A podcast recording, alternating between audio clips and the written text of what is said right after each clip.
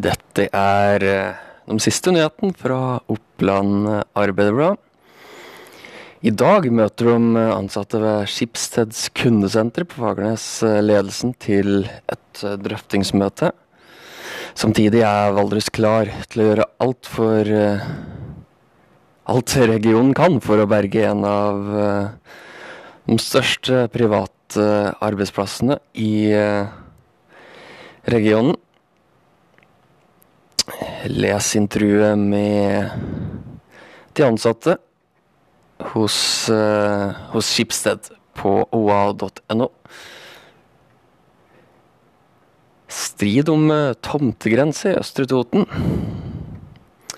En nabokrangel i Østre Toten har fortsatt å eskalere etter at eh, kommunen avviste å løse den uten dokumentasjon og enighet mellom partene.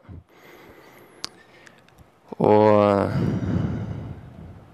nå uttales det at uh, det er kommunen sjøl som har skapt uh, anspent naboskap.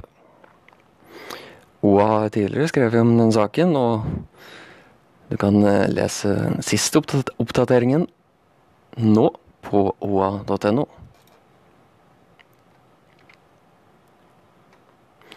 Ordfører Bjørn Idberg mener næringslivet i større grad bør bidra for å lage eh, byfesten for å gjøre byfesten i Gjøvik eh, til en suksess.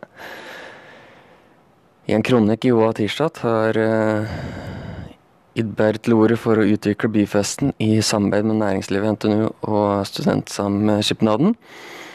Han framholder at eh, Arbeiderpartiet og Høyre er på linje i synet på byfesten.